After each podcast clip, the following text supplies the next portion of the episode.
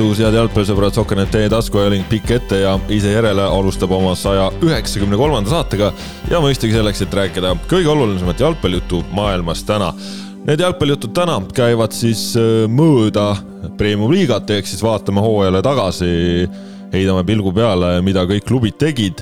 Koondise juttu praegu pikalt ei räägi, äh, võiks isegi öelda, et üldse ei räägi ja, ja koondise jaoks äh, reserveerime siis omal järgmise podcast'i mis tõenäoliselt ei tule mitte nädala pärast esmaspäeval, vaid võib-olla tuleb juba natukene varem, sellepärast et mm hakkab ka peale.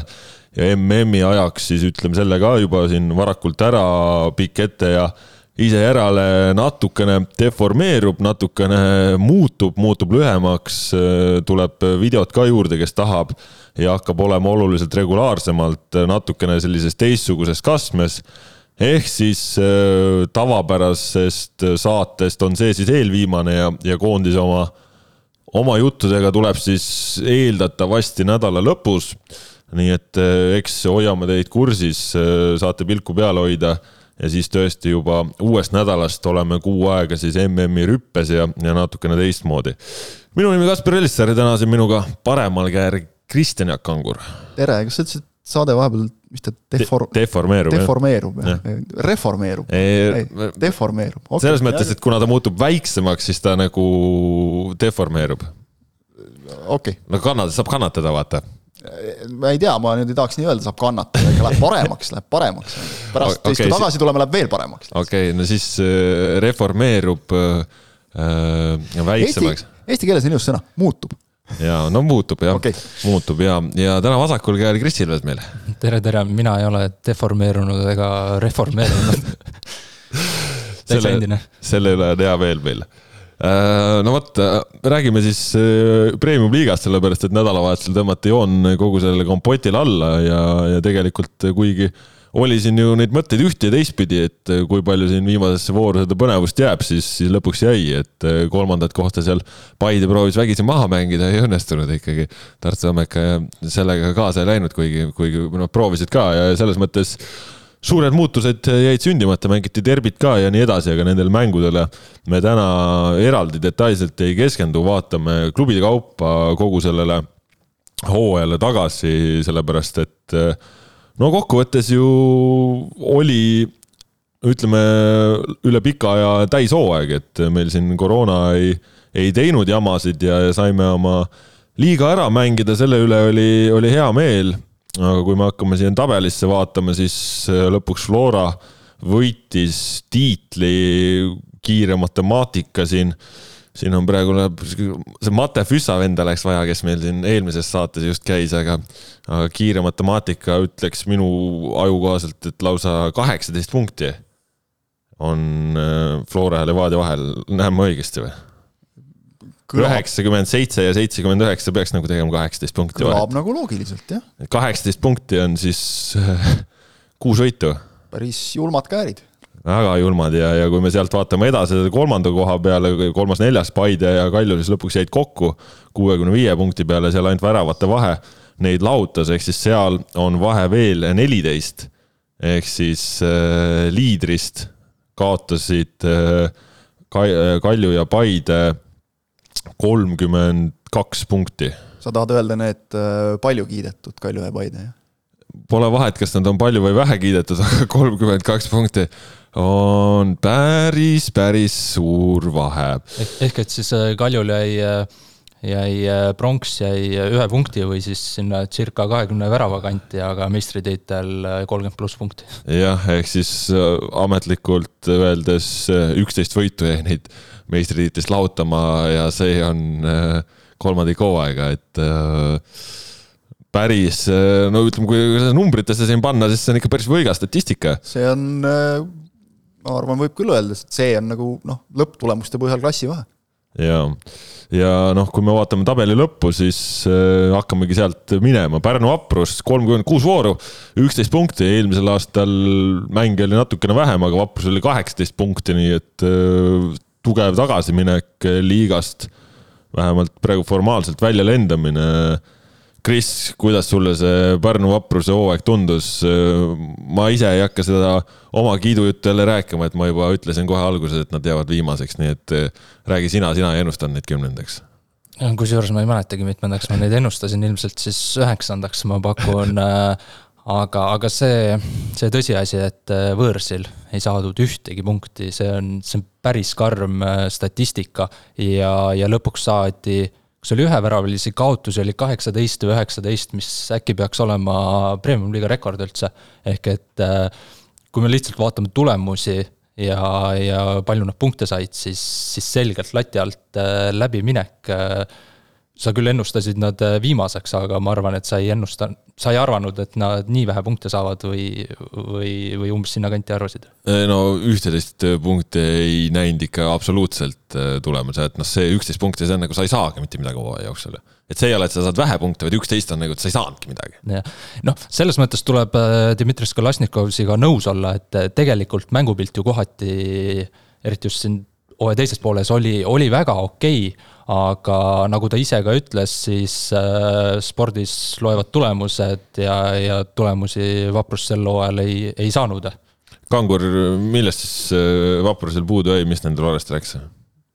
punktidest ega nagu selles suhtes, noh jah, Kalašnikov ütles õigesti, et hooaja esimeses pooles äh, siis, kui nagu halvasti mängisime, siis tuli punkte ja täpselt nagu sa ütlesid, Kris, et, et siis, kui hooaja teises pooles nagu mäng hakkas sujuma, siis ei tulnud punkte enam ja, ja ega see, see statistika tegelikult noh, numbrid on vahel nagu nad on, ega see üheväravaliste kaotuste statistika, see on päris kõnekas tegelikult, et see nagu näitab, et tõesti jah, nad ei olnud peksukotid. et seda ei saa öelda ja, ja, ja samas vaat mulle tundus, et kohati nagu mõned mehed, kes äh, talvel toodi, kellest nagu palju loodeti, äh, vedasid alt, et noh, nii nagu räägitakse alati, et et, et tiitlit võita ei saa siis, kui sul kaitse ei pea et ega siis nagu sama, sama reegel tegelikult kehtib tabeli tagumises otsas ka, et muidugi väravaid on vaja lüüa, aga, aga noh, kui see taga ikka nagu lekib täiega kogu aeg, et siis, siis on raske. ja jah, noh, Kalašnikov sai oma nagu suure võimaluse, ütleme teha üks täishooaeg ja ei, ei, tulnud välja. ega nüüd ei ole Pärnu hingeeluga nagu nii kursis, et, et kas seal nagu nüüd asi on treeneri taga või või, või mängijate taga rohkem, noh, ju ta on mitmete asjade kokkulangevus, aga tahtmisest ja võitlusest puudu ei jäänud Vaprusel, aga jäi väheks sellest. no Leegion nende ees kakskümmend kaks punkti, neli miinuspunkti juurde oleks siis kakskümmend kuus, ehk siis said reaalsuses kuus võitu, kaheksa viiki, kakskümmend kaks eh, kaotust. Leegion tuli oma finantsmuredega peale, ega need rahamured pole kuskile selles mõttes ka kadunud, et siin on ju vahepeal läbi käinud, et eh, klubi presidendi ja peatreeneri Deniss Belovi siis transiidiäri või logistikaäri on on omadega läinud pankrotti, ehk siis väljaspool jalgpalli on ka keerulisemad ajad ja noh, eks see muidugi tähendab, et, et mingit pidi ka jalgpalli jõuab äh, vähem vahendeid, aga, aga hooaja nad ära mängisid, hooaeg pole veel ka läbi, nende jaoks siis läheb ta edasi üleminekumängudega, mis toimuvad koondise pausi järel ja kus siis Leegioni vastaseks pingelise esiliiga heitluse järel on lõpuks ikkagi Elva, vahepeal korraks eile esiliiga viimase vooru ajal oli jooksev tabel seis ka selline, et, et Viimsi oleks Leegionile vastu tulnud, lõpuks tuli Elva, aga Leegion, no need noored poisid, äh, ütleme, kes eelmisel aastal olid saanud natukene minuteid, siis nüüd ikkagi põhirollis kandsid raskuse välja või kuidas sulle tundub, Kangur? Äh, päris palju oli ju neid, kes ennustasid, et Leegion põrub täiega sel hooajal, et sealt ei tule midagi. noh, ärme unustame seda ka, et neil olid ikkagi Volodin Tõõmov või kõik. Äh, noh, Vaherna paneks siia juurde, kellel ikkagi on kogemusi nagu, et, et oli neid mehi küll ja, ja oli neid noori ka, kellel ei olnud see esimene premium-liiga hooaeg nagu üldse, aga aga kui me näiteks vaatame, et, et Arhipov, Pankov mängisid ju mõlemad äh, võrdlemisi vähe hooaja lõikes kellel oli seda kogemust võib-olla nagu kõige rohkem, et äh, noh, Leegion ise kindlasti oli optimistlikumalt meelestatud kui, kui enamik ja ikkagi see, mida nad on rääkinud kogu aeg oma poiste kohta, et et Leegion ei karda, Leegion võitleb, see ei ole sõnakõlks. et, et see, see peab paika. ja, ja selle julguse pealt, ma arvan, tuli päris palju punkte neile. et nad ju näitasid, noh, nad on suurtega võimelised mängima, neil võib-olla probleeme tekkis just neis mängudes, kus peaks nagu ise domineerima, mis on ka mõnes mõttes loomulik aga päris palju oli seal mängumehi, kes, kes esile tõusid, seal on ju noortekoondislasi, äh, endisi, praeguseid, äh, kokkuvõttes see, et, et mängis Leegion just sellise pundiga, nagu nad mängisid, ma arvan, et, et jalgpallile, Eesti jalgpallile tuli, tuli kõvasti kasuks. Et noh, kas, kas need poisid oleksid saanud kuskil teistes meeskondades sellist mänguaega, kui Leegion poleks saanud sel hooajal mängida, noh vaevalt küll. võib-olla mõni üksik, praegu oli siin noh, peaaegu et terve meeskonna täis.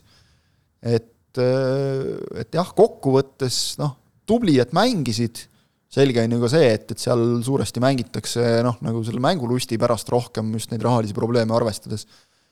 et et, et tegid nagu oma töö korralikult ära ja, ja noh, kui ma peaks nagu nimetama praegu üleminekumängudel soosikut, siis siis ma julgeks ikkagi Leegioni selleks nagu selgelt panna Elva vastu, et Elva oli siin tõesti, neil oli nagu tükk tegemist, et üldse see iseseisvate klubide arvestuse teine koht kätte saada. ja, ja ega see hooaja lõpp neil liiga veenev ei olnud, et üllatusi muidugi võib tulla alati. ja ärme nüüd unustame, et noh, nüüd on Leegion selles seisus, et, et nad peavad nagu, nemad, neil on kohustus teha tulemust Leegi.... aga noh üldkokkuvõttes ma nagu paneks nende hooajale positiivse hinde.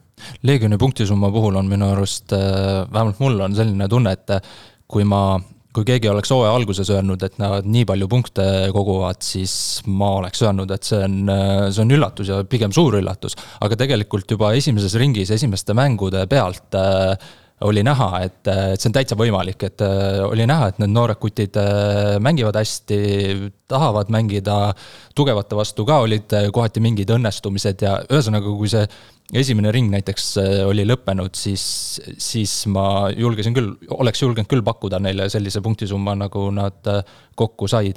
aga kui Leegion mingil põhjusel peaks nüüd premium-liigast äh, välja kukkuma, siis, äh, siis see hooaeg nendele noortele ju, ju andis kõvasti juurde, nagu sa ütlesid, et äh, ja ma olen kindel, et suurem osa neist jätkab premium-liigas, kui peaks Leegion välja kukkuma ja no ma vaatasin, praegu otsisin siin samal ajal oma selle hooaja eelse ennustuse üles ja Leegioni kohta olin kirjutanud, et Äh, noh, kõik pole oluline, aga ütleme, et elu kipub vahel ikka üllatusi täis olema, vahel ka positiivseid ja et vastu ujutakse keerulist seisust välja, no ujusidki tegelikult, et tõesti see lähtepunkt oli ju noh, lausa katastroofiline, aga, aga tegid ära ja ega tegelikult siin tuleb kiita tennisprofi Sergei Terehhovi ka võib-olla selles osas, et taktikaliselt oldi hästi mitmekülgsed, hästi paindlikud ja, ja, ja see tegelikult aitas neil ka punkte tuua ühte meest kiidaks veel kindlasti see emotsionaalse poole töö, mida teeb Mihhail Artjuhov seal, see, see on ka nagu väga, väga oluline. no eks esindusega ta viimasel ajal on natukene kontakt võib-olla. jah, väiksem, aga, aga noh, ikkagi need on nagu tema kasvandikud, eks ole, ta on ju pingil ikkagi, et, et ta noh, neil on nagu rollid ära jaotatud hästi ja, ja, ja mulle nagu tundub, et see toimib no vot, äh, kaheksandale kohale platseerus siis äh, täpselt nii, nagu mina ennustasin, huvitaval kombel. tegelikult ma siin praegu alguses kiitlen ära, sellepärast et mul seal vahepeal siis tulevad probleemid sekka selle ennustuse juures, aga, aga no tagant, tagant sain pihta.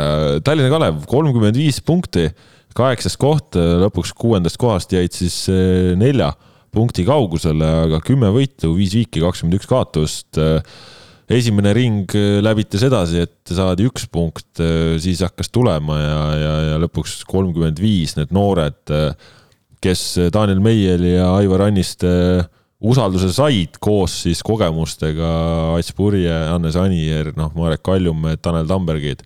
et täiesti soliidne premium-liiga võistkond, kui sa saad eelviimases voorus meistrilt Floraltki punkti kätte, noh siis see näitab tegelikult, kuhu sa oled jõudnud areneda ütleme just see Flora nagu see, et esimene, esimene omavaheline mäng üks-seitse viimane mäng üks-üks. noh, ja tegelikult see nagu areng oligi umbes selline. No Kalevi puhul, puhul on, saab hooaja lihtsasti kokku võtta niimoodi, et nad kindlustasid püsimajäämise juba mitu vooru enne hooaja lõppu ja viimases voorus mängisid kuuenda koha peale. just. see on viimase vooruni kuuenda koha konkurentsis, see on nagu ülikõva tegelikult Ja... et, et kui, kui me siin oleme vaielnud ja Kaspariga ilmselt jääme nagu igavesti vaidlema, et kumb on kõvem treener, kas Roman Kožuhovski või siis äh, Kalevi tandem Anniste Meiel, siis, siis hakkasin mõtlema, et, et Anniste ja Meiel tegid, Kožuhovski on suure töö ära teinud, aga et ta tegi kahe hooajaga umbes ära selle töö, mille Anniste ja Meiel tegid nüüd ühe hooajaga ja, ja noh, tegelikult see Eest, Eesti klubi selles mõttes nagu eestlaste värk, et, et algul ei saa vedama, pärast ei saa pidama, et, et noh, hooaeg sai nagu liiga vara läbi, nagu nad ise ka ütlesid. no ma siin natuke tõmbaks bravuuri ikkagi maha, selles mõttes, ei no muidugi, Meiel ja Aniste on nagu super töö ära teinud, aga noh, kui me tabelisse vaatame, siis äh, Kalevi ja Kuressaare vahel on äh, viisteist punkti, et. Äh, vaata, kust tulema hakati, ma ei, võtan, no, võtan selle järgi, kus, kus oli stardipunkt nagu lähtepunkt, ma võtan puhtalt selle järgi, ma olen nagu nõu-, tege-, noh, tegelikult on see, et kui saaks, annaks mõlemale, sest omas kontekstis mõlemad tegid nagu tohutult kõva töö ära. no selles mõttes, et Kuressaare seni oli parim koht oli olnud seitsmes nüüd panid viiendaks, viiskümmend sanga said kokku, viiskümmend sanga. Kalev oli, Kalev oli kolm nädalat enne hooaja algust oli esiliiga klubi, nüüd olid kuuenda koha konkurentsis viimase vooruni. kui, kui me lähtuksime sellest, kes kõige rohkem punkte sai ja kes parim treener on, siis anname selle kohe Jürgen Ennile ära. Selle loogika alusel. see, see mulle meeldib ju. aga okei okay,, see selleks, see ongi nagu hea, et vaata, see on positiivne, et me saame nagu üldse rääkida ja Jürgen Enn on ka nagu tegelikult täiesti noh, sa viisid nagu meeskonna võimsalt. kuule, Florast jõuame rääkida et, et me, me võime nagu just see, et me saame rääkida nagu mitmetest treeneritest, mitte et see vend on ja lähme edasi, eks ole, aga Kalevi, Kalevi hooaeg, noh ja muidugi üks on see, et ärme unustame seda, Kalevil oli Ats Purje, kes nagu läks ka nagu hea vein aina paremaks hooaja jooksul. jah, et Kuressaarel Eesti koondise ründajat ei olnud, jah? no vot, ei, see on nagu aus argument, eks ole, aga, aga nüüd ongi see, et nagu käärid olid minu meelest nagu Kalevis suuremad ja et saada nagu see kokku mängima see sats, eks ole, kes, kes ju noh, ka siin mingil määral vähemalt klopsiti kokku veel vahetult enne hooaja algust ja ja, ja mulle meeldib see, kuidas Kalev teeb, tegi juba esiliigas ja, ja tegi ka nüüd sel hooajal kõrgliigas nagu oma asju. Üldse ka klubina mingi, mingite nurkade alt, neil siin oli värskelt, kiidame nagu seda ka, see väga hea kampaania vaimse tervise osas et, et nad, nad ajavad mingisugust natukene nagu oma rida, et see, see rööbas jookseb nagu natukene teis- te,, teiste kõrvalt nagu kuidagi ja, ja mulle meeldib see, et neil on seda julgust, on julgust seda teha. Ja, ja noh, ütleme, et ma, ma loodan nüüd, et see annab, see püsimajäämine, see annab nagu mingisuguse stabiilsuse, Daniel Meiel juba ütles, eks ole, ju pärast viimast mängu, et neil on juba, kui püsimajäämine selgeks sai, nad hakkasid juba tööd tegema järgmise hooaja nimel, et et, et noh, selles mõttes nad oleks nüüd nagu seda väärt, et nad nüüd saavad nagu normaalselt valmistuda, nii nagu üks klubi peaks valmistuma hooajaks. Aga no lahkujaid on ka selles mõttes, et Hannes äh, Anier praeguse seisuga on tippjalgpalluri karjäärile joont alla tõmbamas ja noh, mis, mida see tähendab, et okei okay,, Tani resultatiivsusnäitajad sel hooajal oli kuus vist väravat söödud kokku, aga noh, see roll seal palli katmisel, palli säilitamisel, see on ja. ikkagi täiesti hindamatu, et ta, kui ta olemas oli, ta oli alati põhikoosseisus ja põhjusega, et ja, ja noh, lisaks siis on, on ju teada, et Jan Jakovlev ei jätka Kalevis äh, on tal mingi lootus võib-olla välismaa poole vaadata, aga ka äh, Levadia väga hoiab äh, pilku peal, mida Jakovlev teeb, nii et selles mõttes on ka väga olulised lülid klubist minemas, noh muidugi Atspurja jääb, et see on oluline väärtus. aga Daniel Meiel ja Aivar Anniste tööd võib-olla kõige paremini saab hinnata äkki järgmise aasta lõpus saab tuua paralleele nüüd äh, tänavuse hooajaga, arvestades seda, et nüüd nad said ju alates septembrist juba järgmiseks hooajaks valmistuma, et. et kui nad järgmisel hooajal mingil põhjusel peaksid lati alt läbi minema, siis on, siis on halvasti, aga, aga nad peavad vähemalt seda, seda selle hooaja taset äh, säilitama, aga eeldatavasti ikkagi võiksid ju paremaks minna. vaata, paradoks ongi nagu see, et nüüd ajasid nagu lati endale nii kõrgele, et nüüd järgmine hooaeg on selle võrra keerulisem no vot, äh, üks meeskond, kes lootis olla kõrgemal oma latiga, Narva Trans, äh, lõpuks äh, seitsmendal kohal, ei saanud seda kuuendat positsiooni ka. ja Aleksei Jeremenko siis viimases voorus enam kaasa ei löönudki, kui Kuressaarega kaks-kaks viik mängiti, Trans kümme võitu, kaheksa viiki ja numbrid ütlevad, et kaheksateist kaotust. Narva Trans hooaja eel oli võib-olla selline meeskond, äh, kellelt oodati natukene enamat, mäletan isegi, et ennustasin neid seal viiendale kohale Kuressaare ette. aga, aga noh, nagu, nagu ka hooaja eel arvasin, siis äh, ega Transi puhul kunagi nagu päris täpselt ei tea, milliseks see hooaeg kujuneb, et on hästi palju muutuvaid nüansse ja noh, seda me teame alati ka, et Trans palliga oskab ikka mängida ja, ja noh, loodeti seda sammu edasi, sammu edasi ei tulnud. miks ei tulnud, seda vist ei osanud lõpuks ka Aleksei Jeremenko ise öelda. tegelikult see oli ju tüüpiline transi hooaeg nagu on, nagu on olnud äh, läbi aastate. Ei ole, ma ei teagi, seitsmes koht, ega kui vaadata koosseisu, tegelikult justkui mängijaid on, oleks, oleks võinud, nagu sa ise ka ennustasid, äh, natukene kõrgemale, aga, aga tegelikult kuna Kuressaare tegi nii-öelda oma üle võimete hooaja, ütleks siis nii, siis tegelikult see ülejäänud pundar oli ju põhimõtteliselt seal üheskoos, et äh, maitseasi, kes seal, kes seal natuke tugevam või nõrgem on, aga, aga jah, seitsmes koht. ma arvan, klubi enda jaoks kindlasti pettumus. Kangur, kuidas sulle tundub? noh, pettumus jah, selles mõttes, et noh, viies oli samas maksimum, sellest jäid vist, mis ta oli, kaksteist punkti, eks ole, maha, et äh, jah, ma olen Krisiga nõus, et tüüpiline transi hooaeg, et noh, halvasti nagu ei läinud, liiga hästi ka mitte ma ei tea, neli miinus või, või no midagi niisugust, et nagu selge on see, et, et et noh, nad on tubli tabeli keskmik, et selleks, et nagu püsimajäämise nimel võidelda, peaks midagi nagu väga valesti minema ja selleks, et kuskile kõrgemale tõusta, oleks ilmselt vaja hoopis teistsuguseid ressursse, Transi puhul muidugi on suur küsimus see, et, et jällegi, nagu sa mainisid, me teame, et, et nende rahastus tuleb ka suuresti just nagu sealt äh, klubi presidendi transpordiärist et see on kõvasti pihta saanud, see sektor. Äh, linn ka enam ei toeta nii suures mahus, toetab ikka väga väikses mahus isegi, võiks öelda. Et äh, suur küsimärk meeskonna puhul, kes on ikkagi väga palju nagu tuumikosas toetunud ka piiri tagant tulevatele mängijatele ja piiri tagant tulevatele treeneritele, selles mõttes jällegi ka nagu Jeremenkost natukene kahju, et kindlasti tema kaliibriga treener oleks väärinud võib-olla veel natuke paremat materjali, mitte et tal see halb oleks olnud.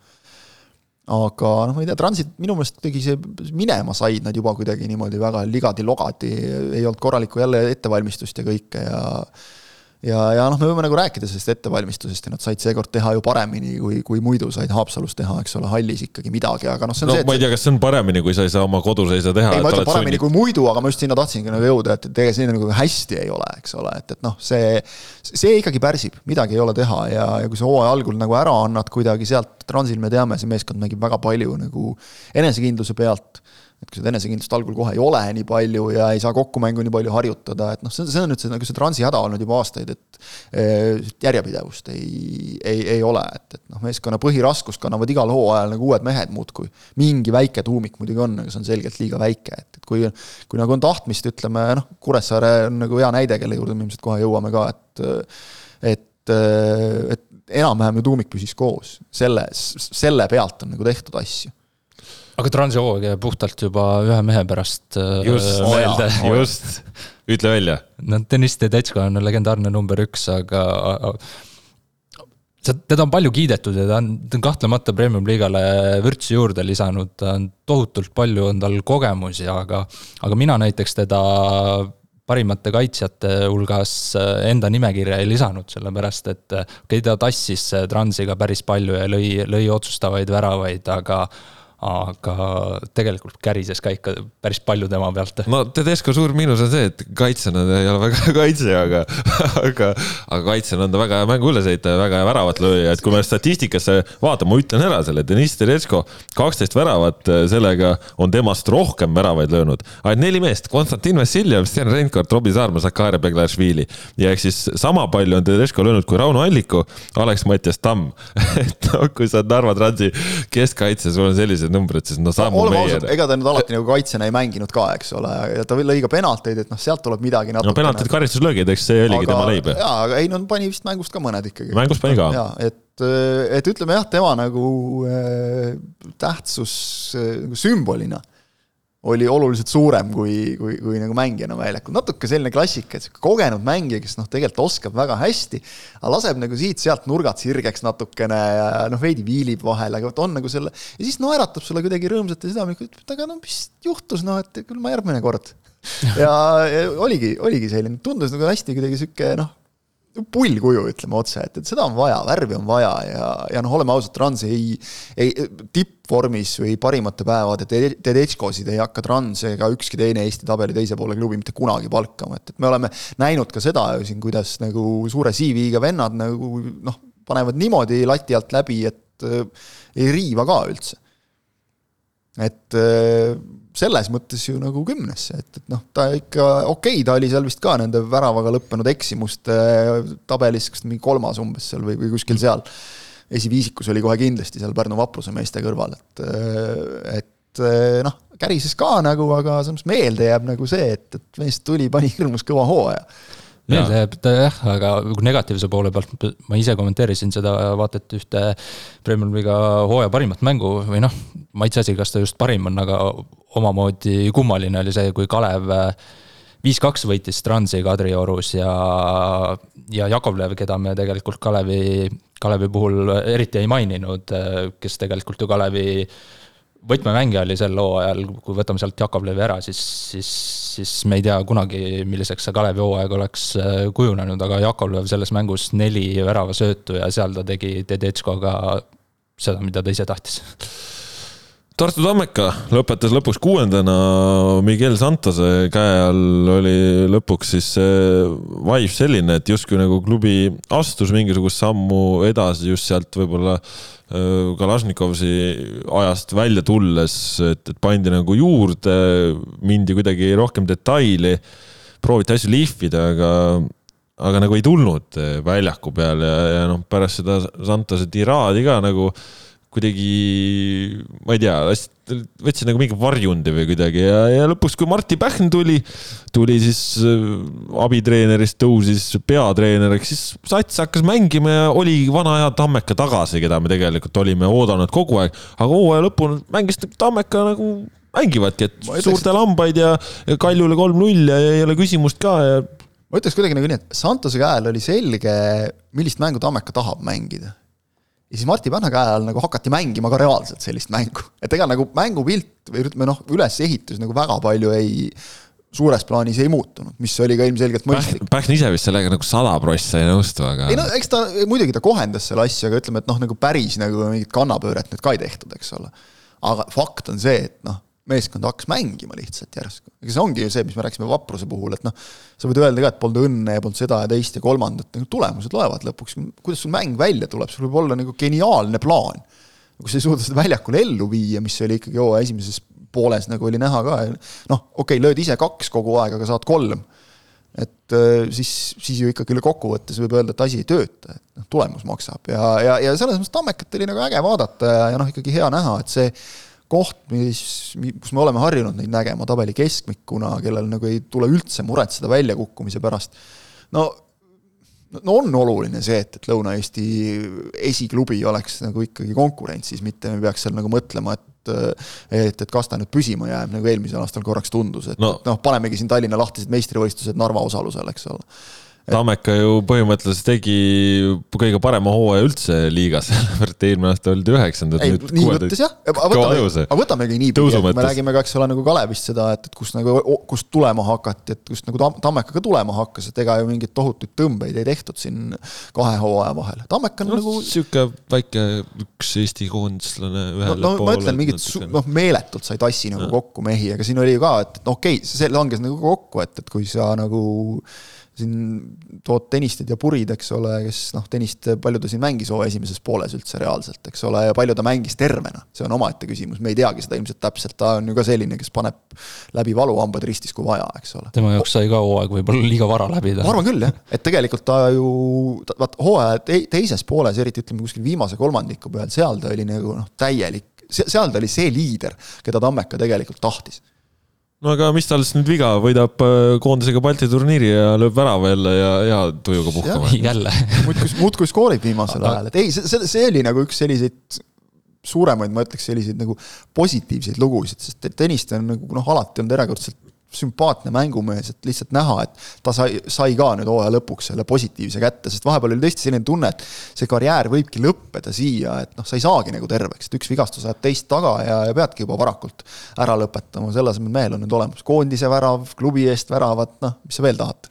minu arust Super. Äh, Tammeka hooaja päästsid kaks meest, üks on äh, Martin Pähn, kes sai lõpuks äh, meeskonna mängima ja teine on Richard Aland, kes, kes väravasuule kindlust, kindlust tõi ja kui vaatame lihtsalt statistikat, siis siis nullimängude arvestuses premium-liigas jagab viiendat kohta ja seda poole hooaega, et kuidagi lihtsalt see jalaga mäng, tal on ka selles mõttes, et meeskond Tammeka sai alustada alt äh, palliga mängu ja, ja Aland lisas selle käigu hooaja keskel juurde. pluss see, et sul on lihtsalt nagu tagakindlus. Sa tead, et noh, isegi et kui kaitses eksid, väravavaht on võimeline päästma, eks ole, et seda kindlust Tammeka loo esimeses pooles üldse ei olnud, et noh, natuke liiga noortele poistele võib-olla pandi nagu natuke liiga suur koorem õlgadele seal. noh, muidugi Karl-Juhan Pehteri vigastus, eks ole, noh, see on selline paratamatus, mille vastu sa ei saa. tore, et ta sai nüüd siin need viimased kümmekond minutit teha, enne kui ta nüüd vist jalgpallist mõneks ajaks nagu aja maha võtab, eks ole. no mis aga... päris ei taha võtta, et tahab Austraalias ka edasi mängida. no ütleme siis Eesti jalgpallist mõneks ajaks. aga noh, hoiame nagu pöialt jah, et ta ennekõike terveks saaks, aga, aga et jah, Tammekal väga selline üles-alla hooaeg. Äh, just nagu, see on nagu hea näide sellest, kui liidrid, liidrid vigastada saavad, mis siis juhtuda võib just, Kuressaare on meil tabelis siis viienda koha peal, eelmisel aastal tegid oma ajaloolise hooaja, said seitsmendaks punkte, seal oli vist kolmkümmend neli äkki mälu järgi öeldes, nüüd viiskümmend ja ajalooline viies koht siis no kõik eelmise eduka hooaja pealt natukene arvasid Kuressaarest, et mine tea, mis nad nüüd teha võiksid, et Kalju seal oli raskustes ja nii edasi, aga aga no mina ikkagi kuuendast kohast kõrgemale neid ennustada ei julgenud, võtsid hoopis viienda ära ja, ja no hooaja eel võis arvata, et kui sul on ründeliinis Sander Laht, Mattias Männilaan, Sten Reinkord, et siis see tundub võimekas ja see oligi võimekas ja, ja noh, ütleme, et ongi. Kozlovski kolm aastat saanud tööd teha jälle sihuke peenhäälestus nagu käib ja, ja nüüd siis pandi veelgi see üks korrus sellele majale peale sa uskusid hooajal Reinkorti nii tugevalt? mina olen kirjutanud jah siin, ma praegu okay. võtsin, võtsin lahti, et mina Reinkorti uskusin jah. jaa, aga et noh, kas ta nagu, kas ta isegi uskus, et ta nii palju lööb, et ta nagu noh, isegi nii palju lööb, aga et ta nagu mängudes stabiilselt nii hea on.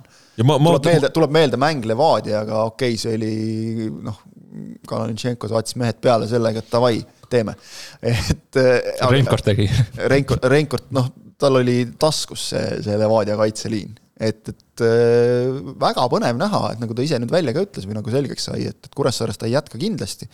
kus ta nüüd jätkab? no Flora esiründaja. noh, et kas ta on Flora esiründaja või liigub veel kuskile edasi, mine võta kinni, eks ole, ju ta on Flora esiründaja uuel ajal ilmselt. sest Floral on vaja esiründajat, et nüüd on siis nagu hea näide sellest, et kuidas saada oma teine võimalus ja see ära kasutada, vaatame, kas ta nüüd ka Floras oma teise võimaluse saab ja selle ära kasutab.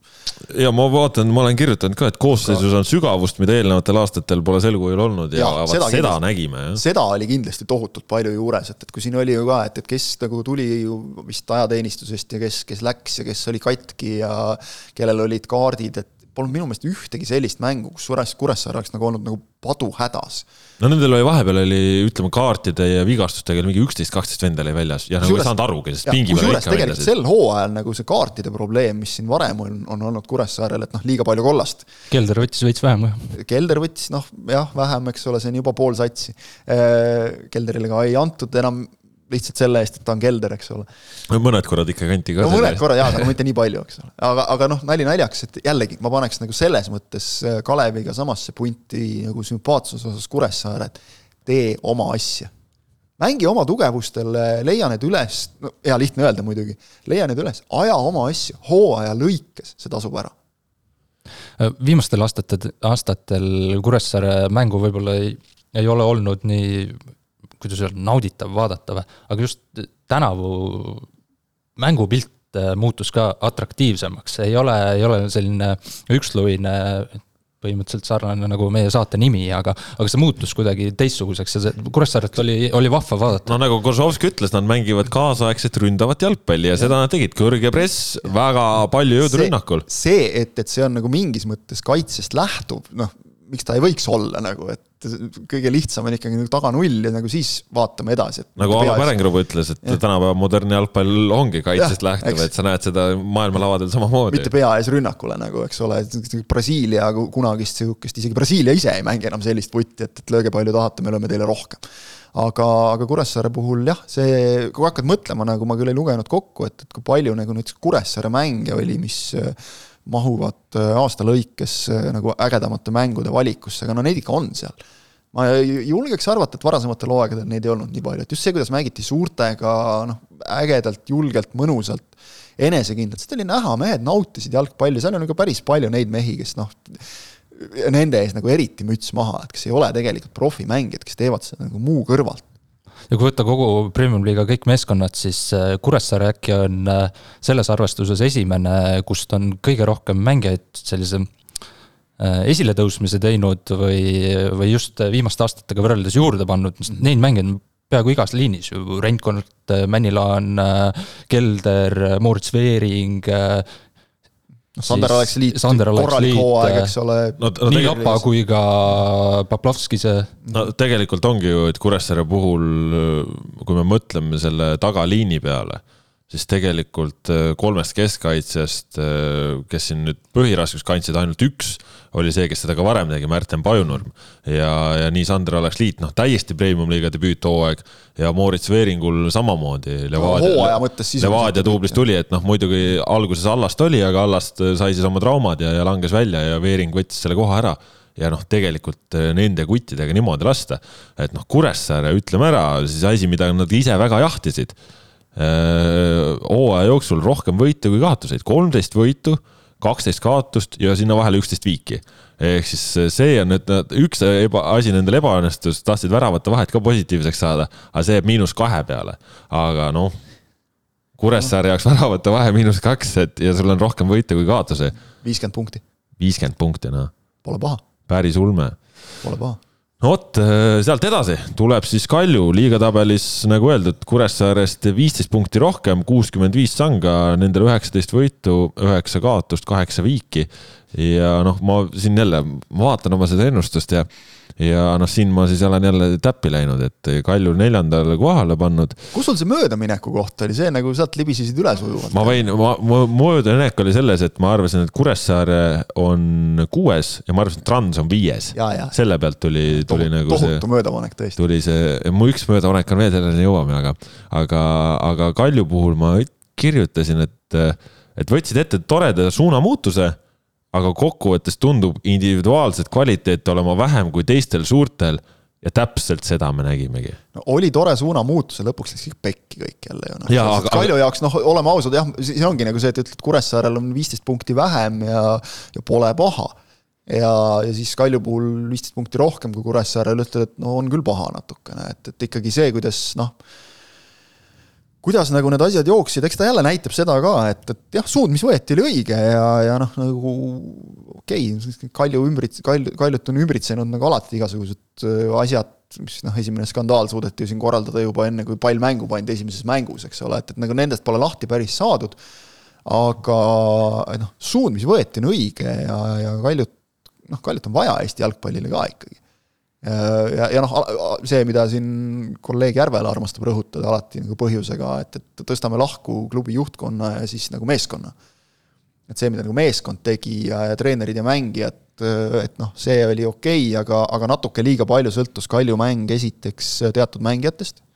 Alex-Mattias Tamme noh, hooaja ütleme peaaegu et terve teine pool ikkagi läks nagu vigastuste nahka, ta ei olnud enam see Tamm, kes hooaja esimeses pooles pärast seda, seda traumat, mis talt koondise mängud röövis. ütleme nii, et tegelikult võib kuidagi sümboolne on öelda, et mingi mootorsaak käis üle Tammesalu, sellepärast et üks tamm läks Florast välismaale ja, ja teine langes siis vigastuste küüsi, nii et. jah, et üks võeti nagu üldse jala pealt maha ja, ja teine siis kiratses kuidagi sealt suvest saadik, aga jah no ei olnud seda tüüpi mängijat enam rünnakul võtta, ehk ei saanud sellist rünnakut mängida. Ja seda me ju lõpupoole nägime ka, et hooaja viimase mängu kolm-null võit, noh, võis olla kolm-null, aga hilja.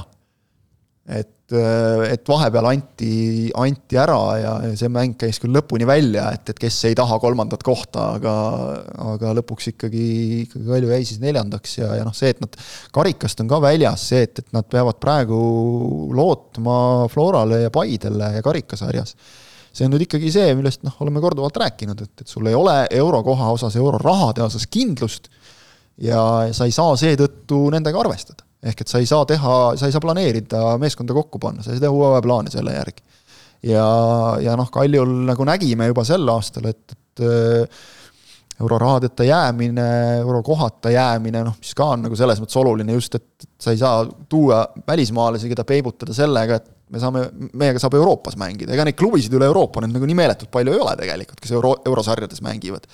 mängijaid on kindlasti rohkem, kes tahaks nagu sellist klubisid vist on suurusjärgus mingi paarsada äkki just, mängida mõnevõrra rohkem, ma arvan, kes tahaks eurosarju mängida. no meil on liigaski rohkem kui paarsada mängijat juba. just, et, et, et kui sa siit nagu välismaalasi tood, noh siis ja, ja nagu aru oli saada, et noh, eks ta ilmselt nagu rahapuuduse taha jäi ikkagi, et et sisuliselt ju noh, kes, kes Kalju välismaalastest sel hooajal nagu mängis hästi. Fortune, aga tal oli ebaõnne. Fortune oli klaasist mm., hea mängija, aga, aga just, et kes, kes nagu mängis hästi, kui niimoodi vaatame, noh ma ütleks, et Janis Tsivelekidis nagu mängis keskkaitses oma koha välja. sai, sai hakkama, seal ei ole nagu midagi nuriseda Mihhail Babitševi roll oli no, Babitšev midagi... oli, tegelikult oli väga hea, aga ta toodi juba varem, vaata ta oli ta toodi varem jaa, aga ma mõtlen, et noh, üldse välismaalased, kes olid sel hooajal, nagu ta toodi varem, eks ole, ta, ta oli hea, kui ta mängis, aga teda nagu mingitel hetkedel kas ei usaldatud või oli ta ka vigastustega hädas, eks ole, teda ei olnud väga palju kohati. ma ei tea, mul praegu tundub konflikt, konflikt natuke sassi, sest Babitšev pigem oli ikkagi silmapaistva hooaja Kalju mõttes, mina ei, ütleks. aga, aga igatahes noh, kui ta, ta oli hea, ütleme, ta läheb ka nagu kindlasti sinna heasse kategooriasse ja siis edasi hakkad nagu vaatama, et noh, jätame Andrei Markovitši kõrvale, kelle klass oli teada, kes nagu korra käis ja, ja lahkus, aga jälle ta iseloomustab hästi seda, et ei olnud võimalust seda meest jätta. Läks ta ära ja, ja noh, need igasugused Sudarid ja Borrid, noh, see on noh, pole midagi rääkida nagu, et, et ja Borr toodi. lemmik on Jakimiv, ma unustasin ära, et sihuke jalgpallur üldse eksisteerib. jah, noh, jah ta ju tuli ja ei mänginud minutitki yeah., et selles suhtes, või nagu, kas tuli ta üldse, kas ta registreeriti ära ka lõpuks või noh. no lõpuks teda ei näinud, jah. me ei näinud teda igatahes, et noh, ja, ja ma ütleks nagu Jevor võtab selle kokku, et noh, lihtsalt toodi nagu mees, kes oleks pidanud midagigi tegema, mõni värav löö nagu nendes mängudes, kus oli, oli hädasti vaja, oleks, olekski ühest väravast piisanud ja no sealt ei tulnud ikka mitte midagi et eh, kas nüüd Kaljul on uuel hooajal nagu vahendeid, alati on muidugi võimalus, et noh, paned nagu Tedesco-suguse jackpot'iga pihta lihtsalt. aga kas Kaljul on võimalust nagu otsida paremaid mehi, see on, ma arvan, üks suur küsimärk ja, ja noh, ega siin selles mõttes ju saladus ei ole, et ilmselt ka mänguvälised tingimused nagu võrreldes Flora, Levadia ja, ja, ja Paidega, noh, Kaljul ei ole praegu päris neid pakkuda, ehk et ka kodustest mängijatest nagu leida leida mängumehi, kes, kes nagu tahaksid tulla esimesena Kaljusse, noh ilmselt on pigem keeruline Kris, tahad midagi lisada või lähme edasi? võib-olla nii palju, et äh, järgmiseks hooajaks äh, päris mitme olulisega mängijaga peaks ikkagi ju leping olemas olema.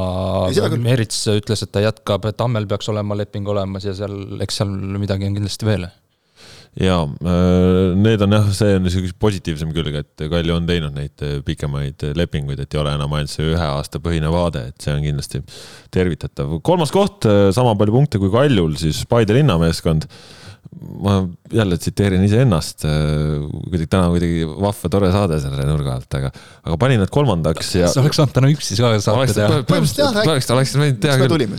no lihtsalt huvitav on, et keegi ei viitsi sama venda kuulata kogu aeg, sest nad kuulavad ainult vahepeale ja siis natukene muigavad, et on ikka tüüpe äh, kirjutasin niimoodi, et äh, kindlasti annavad väärika vastupanu, aga ei paista seda nüanssi, mille pealt esimesest duost mööda minna, no täpselt noh sügavust juures nüansse oli, suurepärane karikahooaeg, suurepärane eurohooaeg, aga noh, oligi liigas, nad olid teistega, mängisid võrdselt, aga no ei kippunud võitma.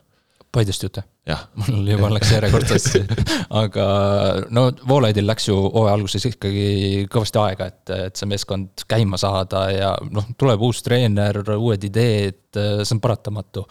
ja, ja lõpuks, lõpuks ta nagu kohati sai meeskonna mängima, aga samas ka ei saanud, sellepärast et äh, ma nüüd seda viimast mängu Tammekaga ei näinud, aga kasvõi see mäng, et äh, õudne kangutamine. Mik-, miks ei olnud äh, samasugust äh, pealeminekut nagu äh, voor varem Kalju vastu? no see oli supermäng Paide poolt, okei okay,, teisel poolel seal jah, võib-olla väsisid ja Kalju sai mängu sisse ja mis iganes, aga aga seda oleks tahtnud näha viimases voorus Tammeka vastu ka, kus tead, et sul on eurokoht äh, kaalul ja ja nagu sa ütlesid, õudne kangutamine, siis veits on nagu küsimärgid õhus. seal oli vist jällegi see klassika, et et äh, viigist piisas tegelikult, et noh, liiga palju ei taha nagu avada, noh, Tammeka oli ohtlik hooaja lõpus kindlasti.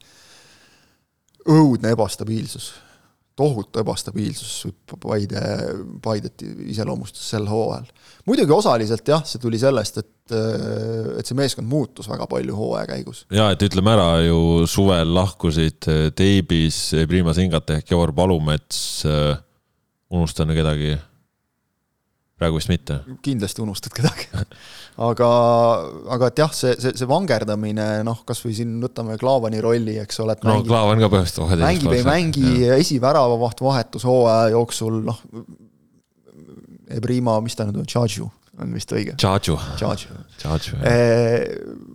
ta Paide ise nimetas ta, natuke tuli sellist nagu, see on väga positiivne, et nagu klubid jälgivad, tuli niisugust positiivset nurinat ka, et kui meie siin nagu suurimaid arenejaid järjestasime, et et tema unustasime üldse ära, et minu meelest nad ise oma hooaja kokkuvõttes nimetasidki ta nagu suurimaks äh, arenejaks ka et no vot, vot, vot ongi, et nemad. tegelikult oli ka ta, ta pani tõesti tohutult juurde. no aga... ne, nemad nägid seda protsessi võistkonna sees, on ju, et meie, meie nägime, et kui meile lõpuks anti see -hmm. siis ta oligi hea. ei, ta oligi algusest peale tegelikult hea, et, et noh, ta läks no, nagu veel paremaks, aga, aga jah, et nemad ilmselt nägid ka, et noh, et hooaja algul ei olnudki teda nagu põhjust väga, väga panna. just, et no hooaja alguses me nägime Mihkel Aksalut, kes oli hea, et. ja, ja Aksalu noh, roll nagu liidrina on kindlasti hoopis teine võrreldes nagu noore mehega väravas, eks ole, uue mehega ja nii edasi. Aga, aga et, et jah, Paidel käis see asi nagu väga üles-alla, samas noh, mis neil nagu on sel loal, neil on kõige rohkem nagu tulemusi Euroopast teiste Eesti klubidega võrreldes ette näidata, neil on karikas ette näidata, midagi nagu jäi näppude vahele ka, kolmas koht, et noh, kokkuvõttes nagu niimoodi vaadates nagu tulemuste põhiselt tegi Paide nagu väga hea hooaja.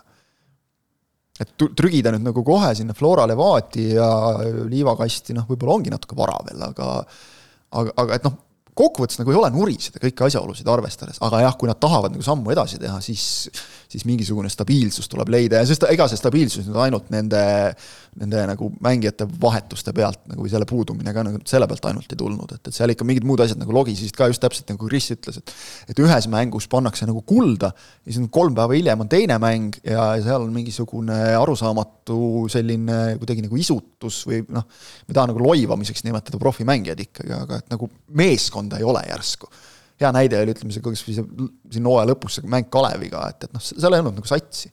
seal olid mängijad, aga seal Kalevil olid ütleme, kehvemad, nooremad mängijad, aga, aga neil oli meeskond. et see oli kuidagi nagu Paidel see, mis nagu logises, aga noh, lõpp hea, kõik hea, võivad nad ilmselt öelda. Paide hooajast jäävad meelde veel need äh, valusad lõpuminutite kaotused ja kui need oleks näiteks suudetud enda kasuks kallutada või sealt kasvõi mingid äh, viigipunktid kätte saada, siis võib-olla me räägiksime teist juttu ja nad oleksid Levadiale oluliselt lähemale. hooaja algul anti tippudega mängudes nagu hästi palju ette ära teistele. Levadia lõpetas siis Paide ees teisel kohal, vahet oli seal Paidega neliteist punkti, nagu öeldud, Levadia ise kaotas Florale kaheksateist punkti, meeskond kellel hooaja jooksul olnud neli ja, või neli pool, viis peatreenerit erinevat, kus on toimunud palju, kellest me oleme palju rääkinud, ega siin ei ole.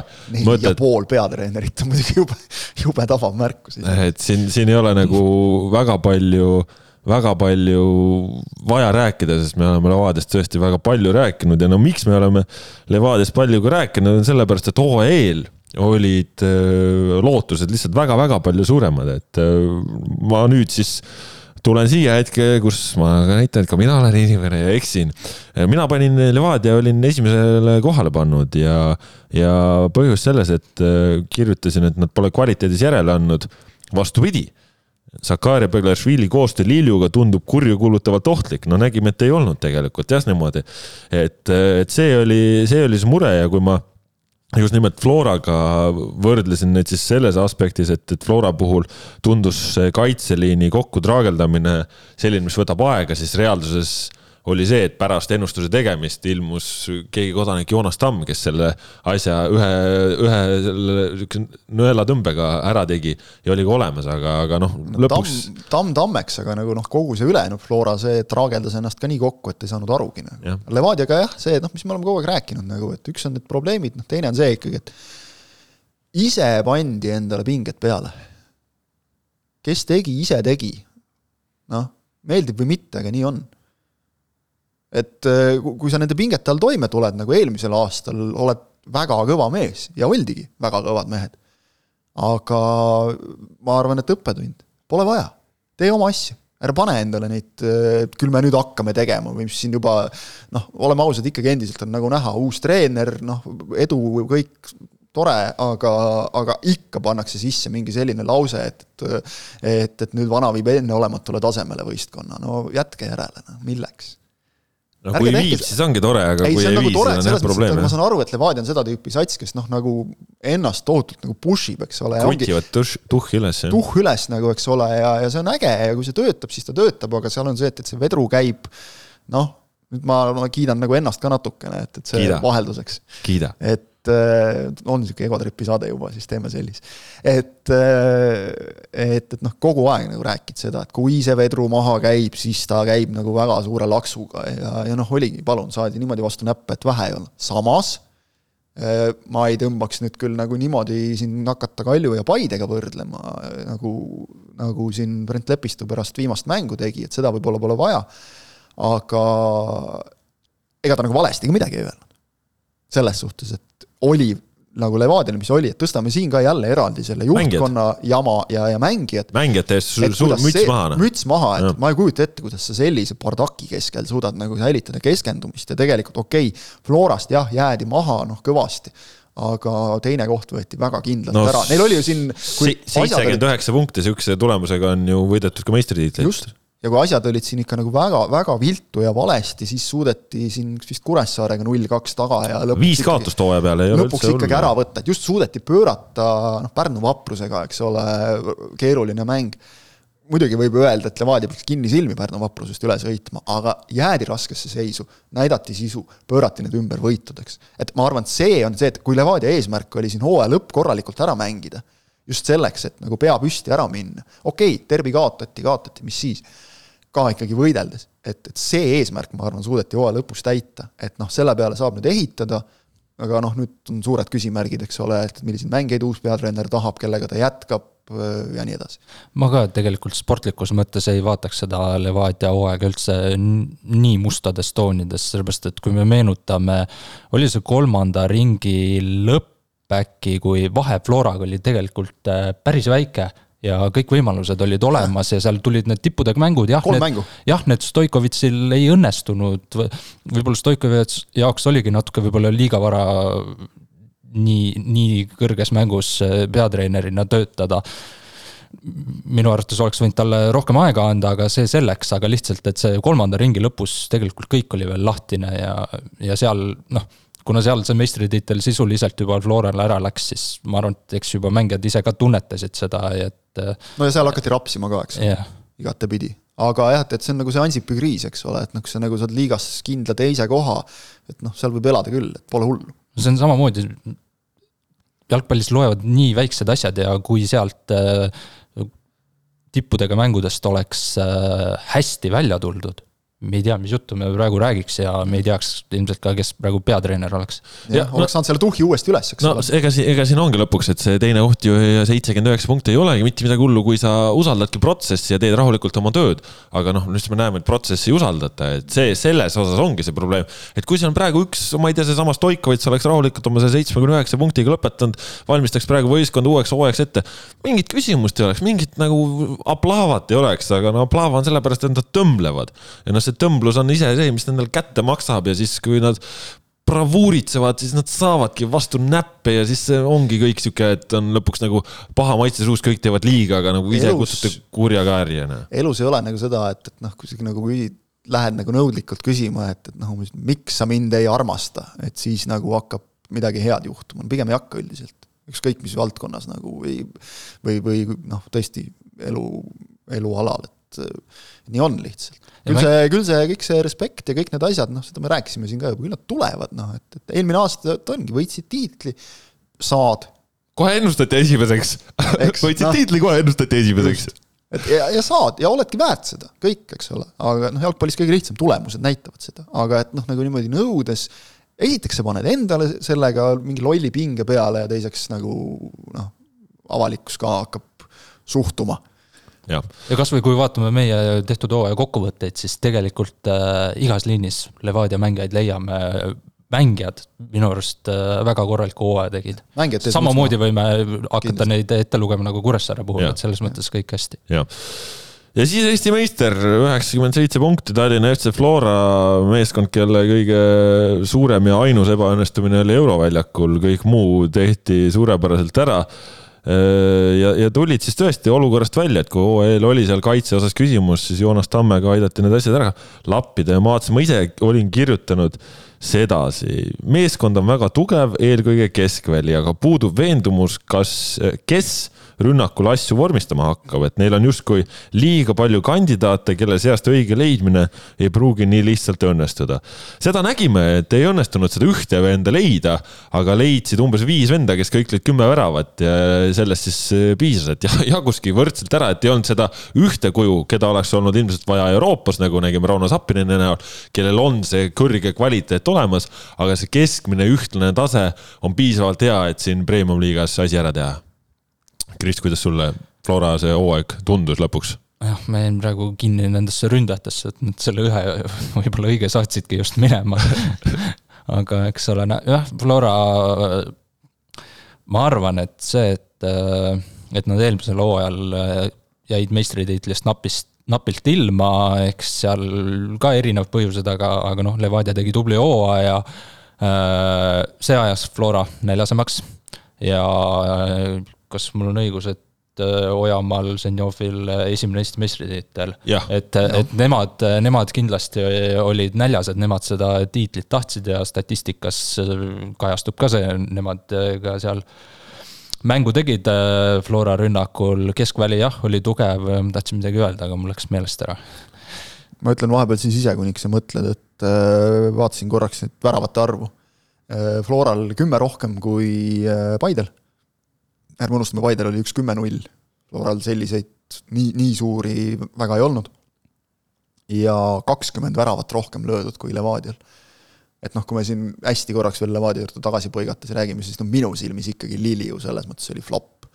et okei okay,, olid põhjused, miks ta ei mänginud vahepeal, aga ta toodi esiründajaks väravaid lööma ja, ja neid ei tulnud no Sakar Beglasvili jätsime kiitmata, liiga suurim värav, kuid äh, ja. Saka on legend. Noh. jah, Sakast võib rääkida nagu seda, et, et jälle, et küll suurtes mängudes kaob ära ja nii edasi, palju meil neid mängijaid üldse on, kes kõikides suurtes mängudes noh, nagu säravad. no lööhooajaga kakskümmend üks väravat ja siis. ja, ja siis räägime edasi, eks ole. ega ta neid penaltid ka sel aastal nii palju ei tulnud, et ei saa sellest ka rääkida, et selle pealt ainult. ja just see, et, et ta on stabiilselt nii väravate löömises kui söötudes on, on kogu aeg tipus et noh, võib-olla Kostja Vassiljev on võib-olla selline, kes nagu noh, peaaegu et igas suures mängus nagu paistab silma, aga ma ei ütleks, et neid palju rohkem on. aga Floral jah, noh ja ikkagi lõpuks liiga parim kaitse, et, et see on see, mis neid tiitleid ju võidab teatavasti. aa, meelde tuli. seda tahtsin öelda, et äh, kuna Flora langes eurosarjast äh, nii varakult välja, siis äh, võib-olla seal peitub see põhjus, miks, miks see punktivahe on nii suur et eelmisel hooajal nad pidid äh, paralleelselt kahel rindel panema ja siis jäidki tiitlist ilma. aga, aga jah, seetõttu pluss, pluss siis see, nagu ütlesin juba, et mängijad olid näljased. Sportlik... Taht, tahtsid selle just, tiitli tagasi endale saada. sportlik viha tuli sealt, esiteks niikuinii on vaja tiitel tagasi võita ja siis see, et eurosari nagu täiesti metsa läks, noh sealt tuli veel, veel lisa juurde ja, ja noh, jah, Floral, Flora on ju tegelikult seda juba aastaid tõestanud, et sul võib mehi nagu ära minna kahe hooaja vahel, sul võib Äh, mõni mees mitte kohta välja mängida, tuleb järgmine, täidab ära kuidagimoodi ja lõppkokkuvõttes Floral siis hooaja peale ainult üks kaotus, üks kaotus niimoodi tulla hooajast läbi, see on muljetavaldav. aga just sellesama Euroopa hooaja pärast, tead, mina sel aastal Jürgen Ennile seda Albert Volrati tiitlit ei annaks. no siis annab meie Lillannistele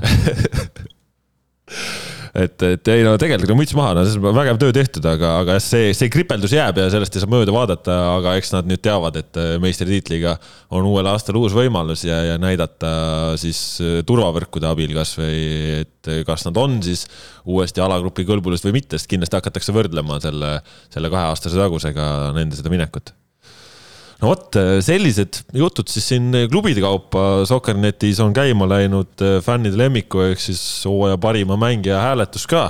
leiate selle kindlasti esilehelt üles, nädal aega on on aega oma valikuid teha, saate seal ka hooaja sümboolse koosseisu koostada, nii et kindlasti minge lisage oma hääle, et saame sellise jalgpallisõprade pildi ka kätte, kes siis lõpuks esile tõuses, sest ega tegelikult liigas oligi selline, et ühte väga konkreetset esiletõstjat, esiletõusjat on nagu raske esile tuua, et noh, kui siin meistrivõistkonda vaatama, võib-olla Konstantin Vassiljev on selline, kes, kes vajalikul hetkel ikkagi väga tassis.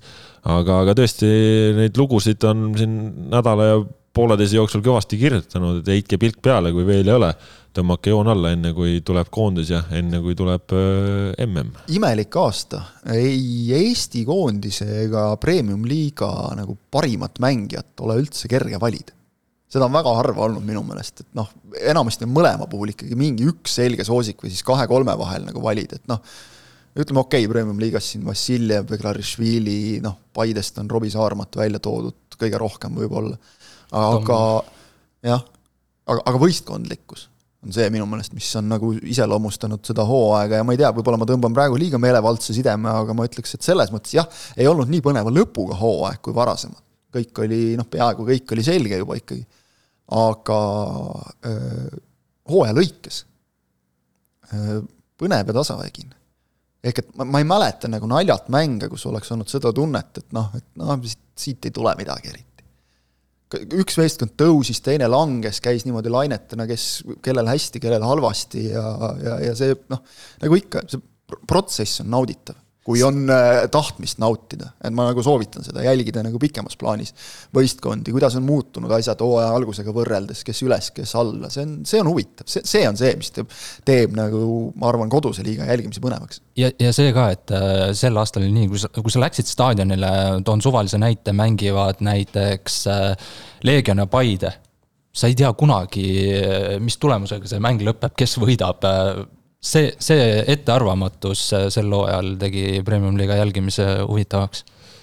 palju õnne võitjatele ja kõik, kes ei võitnud, siis äh, jõudu pingutamisele, et olla ühel päeval võitja. järgmine aasta. jah, no vot sellised äh, koduse liiga jalgpallijutud äh, siit praegu, nagu öeldud, siis ilmselt juba selle nädala lõpus tuleb üks koondise jalgpallile pühendatud pikk ette ja ise järele ja siis uuest nädalast või õigemini tegelikult juba nädala lõpust ka oleme siis äh, pikk ette ise järele, aga tihedamas, lühemas ja audiovisuaalsemas rütmis.